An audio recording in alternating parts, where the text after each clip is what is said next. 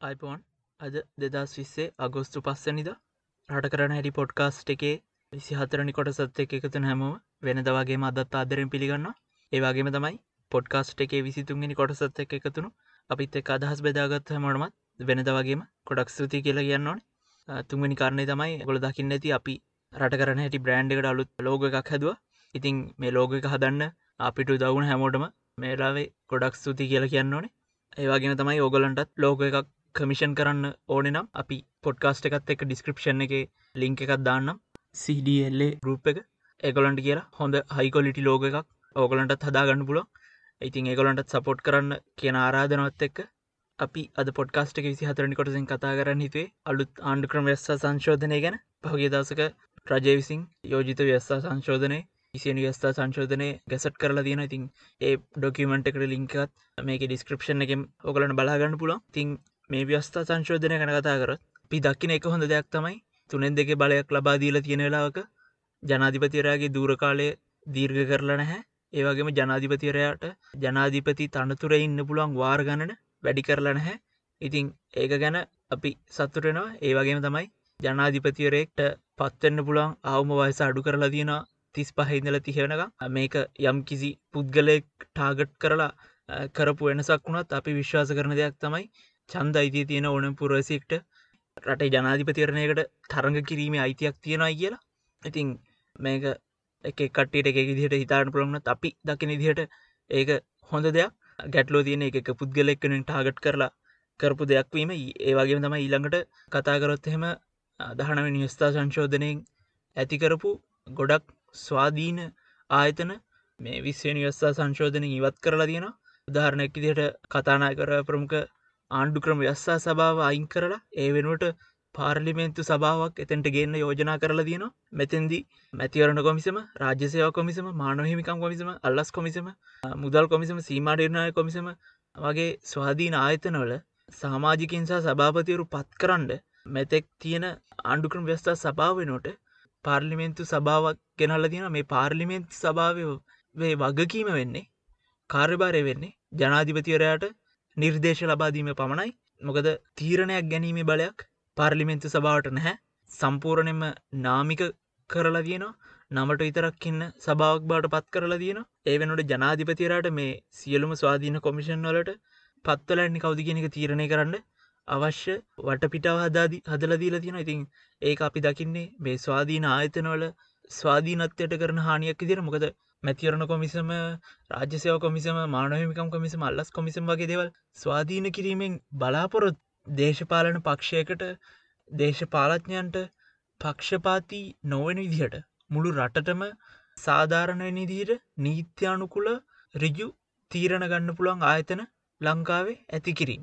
හැබැයි ජනාධිපතිවරයා මේ සියලුම කමිෂන් සභාවල සාමාජිකයෝ සභාපතිවරු පත් කරද්දි සිද්ධවන දේ තමයි ජනාධිපතිවරයාගේ අභිමතාර්ථය තමයි මේ කොමිෂන් සභාවලින් ඉෂ්ට කරන්න. ජනාධිපතිවරයට ඕන දේ තමයි මේ කමිෂන් වලින් කරන්න. ඉතිං ඒක මේ ස්වාධීනත්වයට හානියක්. හැබැයි මේක මෙහෙම සිද්ධන්න මේ තැනට එන්ඩ අපි තන්නේ කොමිෂන් සභාවල ක්‍රියාකාරිත්තත් යම්තාක් දුරකට බලපාල තියෙන මොකද පොලිස්පතිවරෙක් තාම පත් කරන්න බැරිලා තියෙන මේ වගේ අකාරක්ෂමතාත් මුල් කරගෙන ඒ ඒවා එය පෙන්නල තමයි මේ සංශෝධනය ඉදිරිපත් කරලා තියෙන්නේ. හැබැයි ගැටලුව වෙන්නේ මේ සංශෝධනයක් තුළින් කරන්න තිබ්බ හරිනම් මේ කොමිෂන් සබාලට මීටඩි ඉක්මට තීරණ ගන්න පුළන්ගෙන මීටඩිය පහසුවෙන් තීරණ ගන්න පුළන්ගෙන වටපිටාවක් හැදීම මිසක් ඒ කොමිෂන් සබා ජනාධිපතිරයාගේ ග්‍රහණයට යටත් කර ගැනීම නෙවෙයි. මොකද දැන් මේ තියෙන තත්ත්වත් එක්ක නඩුත් හාමුදුරන්ගේ බඩුත් හාමුදුරන්ගේ වගේ තත්වයකට පත්වෙලා තියෙන අග්‍රවිංශ්කාරලය ශ්‍රේෂ්ඨාධිකරණය අපි අචනාධිකරන මිනිසුරුට මේ හැමෝම පත්කිරීම බල තියෙන ජනාධිපතිරට එතකොට අපි ගැනගන්නවා ඉතිහාසයට සමාජධ්‍යනයට ලංකාවේ විතරන්නේ ලෝකේ ප්‍රජාතන්ත්‍රවත් රටවල්වල ආයතන තුනත් තියෙන කියලා ව්‍යස්ථාදායක විදාක අධිකරණය. එතකොට මේ තුනේ සමතුලිතතාවය හන්ද තමයි ප්‍රජාතන්ත්‍රවාදයක් ආරක්ෂා වෙන්න කියලා. හැබැයි ජනාධිපතිරයට අධිකරණය ඉහළම තනතුරුටික පත් කරන්න ඉහළම තනතුරුවල ඉන්න කවුද කියලා තීරණය කරන්න බලය ලබා දුන්නට පස්සේ.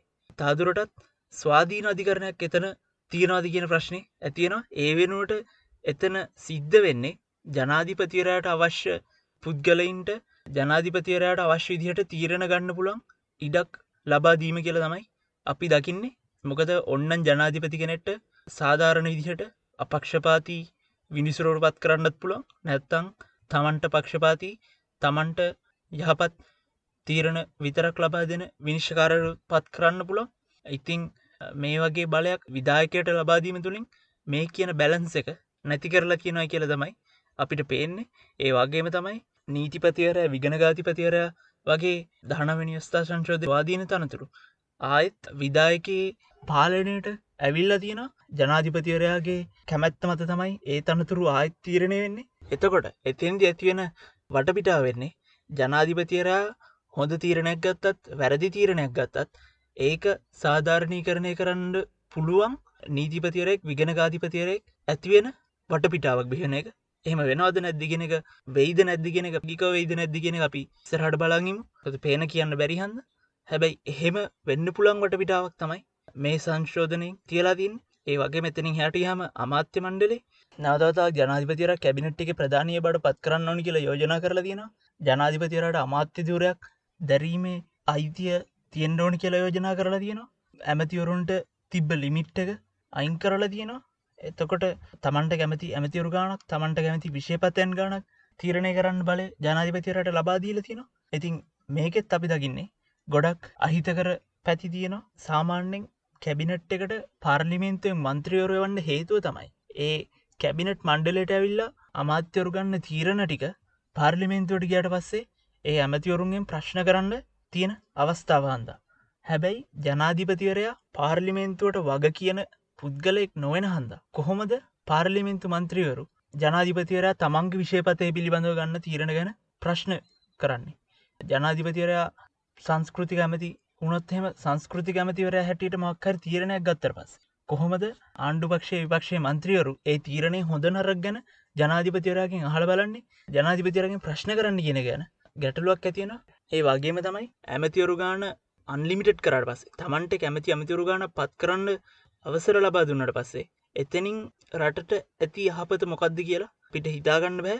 මොකද දැනටමත් ගිනිස් වර්තා පොත්තට කිල්ල වෙලොත් ලෝකේ ලොකුම කැබිනට් මණ්ඩලේ වාර්තාව තියෙන්නේ ලංකාවට. එකම හොඳේ තමයි මේ ව්‍යස්ත සංශෝධනැත් එක්ක ඔන්නම් ඒ වාර්තාව අලුත් කරන්න පුළන් එතනින් එහාට කියලා යම්කිසි හොඳ දෙයක් මේ කැබිනට් මණ්ඩල ඇමතිරුගානෙන් ඇමතිරුගාන අන්ලිමිටඩ් කිරීමෙන් ඇතිවෙනයි කියලා පිට පේන්නේ නැහැ. ඒ වගේම තමයි ධානව නිවස්ථා සංශෝධන හැටියට වසර හතරක් යනකං පාර්ලිමේන්තු විස්රවාහරින්ට ජනාධිපතිරෙක්ට බැහැ. හැබැයි මේ අලුත් ව්‍යස්ථා සංශෝධන යෝජනා කරලා තියෙනවා. වසරක් ගයාට පස්සේ පාර්ලිමේන්තු විස්රෝ හැරීමේ බලය ජනාධිපතිවරයට ලබා දෙන්න ඕනි කියලා අපි විශ්වාස කරන හැටියට ජනාධීපතිවරෙක්ට පාර්ලිමේන්තු විස්තර හැරීමේ බලය කොහෙත්ම තිබියතුන හැ ඒක පාර්ලිමේන්තුව දුරකාලය ඉවරුණාට පස්සේ ස්වාභාවිකව සිද්ධෙන් ඕන දෙයක්. ඒක දහනවනිස්ථා සංශෝධනනුත් හරිට සිද්ධනය දහනනිස්ස සංශෝධන තියෙන අඩුපාඩුවක් හැට තමයි අපි දකින්නේ. මොකද මෙතැන් දිත්තෙන්නේ ආයමත් විදායකය විසින් මෙරට ව්‍යස්ථා දැක. එහෙමනැත්තම් පාර්ලිමේන්තුවේ ප්‍රොසෙස් එකට අනවශ්විදිහට ඇගිලි ගැසීමක් එතකොටත් අර වැස්සදායක විදාක සහ අධිකරණය අතර අතර තියෙන සමතුලිතාවේ නැතිලායනවා ඊළඟට මේ ව්‍යස්ථාවෙන් ගෙනල තියන තවත් යෝජනාවක් වෙස්ස සංශෝධනය ගෙනල තියෙන තවත් යෝජනාවක් තමයි දිත්තපුරසියන්ට පාර්ලිමේන්තුවට එන්න පුළුවන් කියලා ව්‍යස්ථා වෙනස් කිරීම. සාමාන්‍යෙන් රටේ ස්වෛරීත්‍යය රටේ නිදහස නීතිය සමානත්පතාවේ ගැන කතා කරන රජයක් විසින් එක් පුද්ගලෙක් වෙනුවෙන් රට ව්‍යස්ථාදායකය වෙනස් කිරීම ගැන යම්මාකාරයක ගැටලුවක් ඇතියෙන මොකද අපි මීට කලින් පොඩ්කාස්ට එකදී හොඳ මහජන නියෝජිතෙක් තෝරගන්න කොහොමද කියෙනෙක් ගැන කතා කරනවට අපි කතා කර කන්ෆලික්් of ඉන්ට්‍රස් නැති පුද්ගලෙක් තමයි මහජන නියෝජිතයක් හැරිට තේරී පත්වෙන්න ඕනි කියලා. යම් කිසි පුද්ගලෙක්ට රටවල් දෙකක පුරුවඇසිකම තියෙනකොට ඒ පුද්ගලයා ලංකාව පාර්ලිමේන්තුවටට පස්සේ ලංකාවේ යහපත් වෙනුවෙන් විතරක් කටයුතු කරයි කියලා අපි කොහොමද බලාපොරොත්වෙන්නේ ඒ පුද්ගලයට තවත් රටක පුරවැසිකම තියෙනවනම් පුරවැසිකම තියෙන අනිත් රට යහපත් වෙනුවෙන් තීරණ නොගනී කියලා අපිට දෙන්න පුළුවන් සහතිකෙමොකක්ද ඉතිං මෙතැන්දි රටේ ස්වෛරීත්‍යයට රටේ නිදහසට නීතිය සමානත්මතාවයට ගැටලුවක් එන්නේ නැද්ද? මේක අපි දකින්නේ රටේ නිදහසට ස්වෛරීත්‍යයට පාදාවක් හැටියට. අපි බලාපොරොත් වෙන මේක පාර්ලිමෙන්තුවට ගෙනාට පස්සේ යම් කිසි වෙනසක් සිද්ධයි කියලා. ඒ වගේම තමයි ඊළඟට ජනාධිපතිවරයට තියෙන මුක්තිය සම්බන්ධයෙන් ව්‍යස්ථා සංශෝධනයක් යෝජනා කරලා තියෙනවා. දහනාවයට කලින් ජනාධිපතිරයට තිබුණ ලොක්කු අසිමාන්තික මුක්තියක්. හැබැයි දහනාවේ දහනාවනි ව්‍යස්ථාවනුත් යම්තාක් දුරකට අඩුකරට සම්පූරණයෙන් අඩු කරලා තිබෙන හැ මූලික අයිතිවාසික මුල්ලංගනයවීම් ගැන ජනාධිපතිරයට විරුද්ධ නඩුදාන්න පුළන් දහනවනිස්ථාවෙන් දහනවනිස්ථා සංශෝධනය හදලදීප දීල තිබුණු අවස්ථාව විසිය නිවස්ථ සංශෝධනයෙන් අයින් කරන්න ඕන කියලා යෝජනාවක් දාලා තියෙන ව්‍යවස්ථාවේ මූලික අයිතිවාසිකම්බල තියෙන කාරණයක් තමයි රටේ සියලුම පුරවැසියන් නීති ඉදිරිිය එක සමානයි කියන එක. හැබැයි දහනවැනි අස්ථා සංශෝධනයනුත් විසියනි අස්ථා සංශෝධනයනුත් ජනාධිපතිරයා විතරක් එතනින් නිදහස් කරලා තියෙනවා.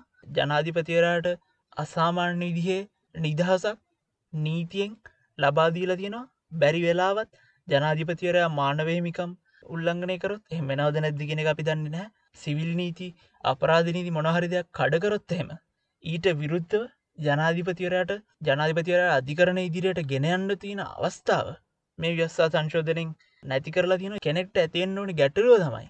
ජනහිතකාමී නායකෙට්ට මිනිස්සුන්ගේ යහපත ගැන හිතන නායකෙට් මේ වගේ යෝජනාවක් මේ වගේ අසාමාන්‍ය බලයක් ඕනෙද කියන එක. පිහිතන දිරනම් මිනිස්සු ගැන හිතන නායකින්ට මිනිස්සුන්ගේ හපත ගැන හිතන නායකින්ට මේ වගේ අමුතු මුක්තියක් ඕනෙ වෙන්නේ නැහැ. සමස්තයක් හැඩියටම ගත්තාම මේක තමයි අපි දකින අඩුපාඩුව. හැබැයි අපි දක්ක දහනවෙනි යස්සා සංශෝධනය පාර්ලිමෙන්තුවට ගේන වෙලාවේ එතන යෝජනාව තිබ්බා. පාර්ලිමෙන්තු මන්ත්‍රීවරුන්ට පක්ෂ මාරු කිරීම තහනම් කරන්න. ඒ වෙලාවේ යාළුවෝ දෙගොල්ලො කතා වෙලා පක්ෂ දෙකේම කට්ටි කතා වෙලා ඒ කොටස එතනින් අයින් කර. ඉතින් අපි බලාපොරොත්වන මේ විශ්වනි විසියනි යස්ථා සංශෝධනය පාර්ලිමෙන්තුවට ගේන කොටත් මෙතන තියෙන මේ අහිතකර තීරණ සියල්ලම නොවුනත් යම් කිසි කොටසක් හරි සාකච්ඡා කරලා අයින් කරන්න පාර්ලිමින්තු විසින් තීරණ ගනී කියලා. තිං ඒක ගැන අවධානෙන් ඉන්න කියලා සියලු දෙනාටම ආරාධනා කරන ගම අදට අපි අපේ පොඩ්කාස්ට් එක අවසන් කරනවා. එනම් අදත් පොඩ්කාස්ට ගත්ත එක එකතුනාට හැමෝටම ගොඩක් ස්තුතියි. එහෙනම් අයිබෝවන්.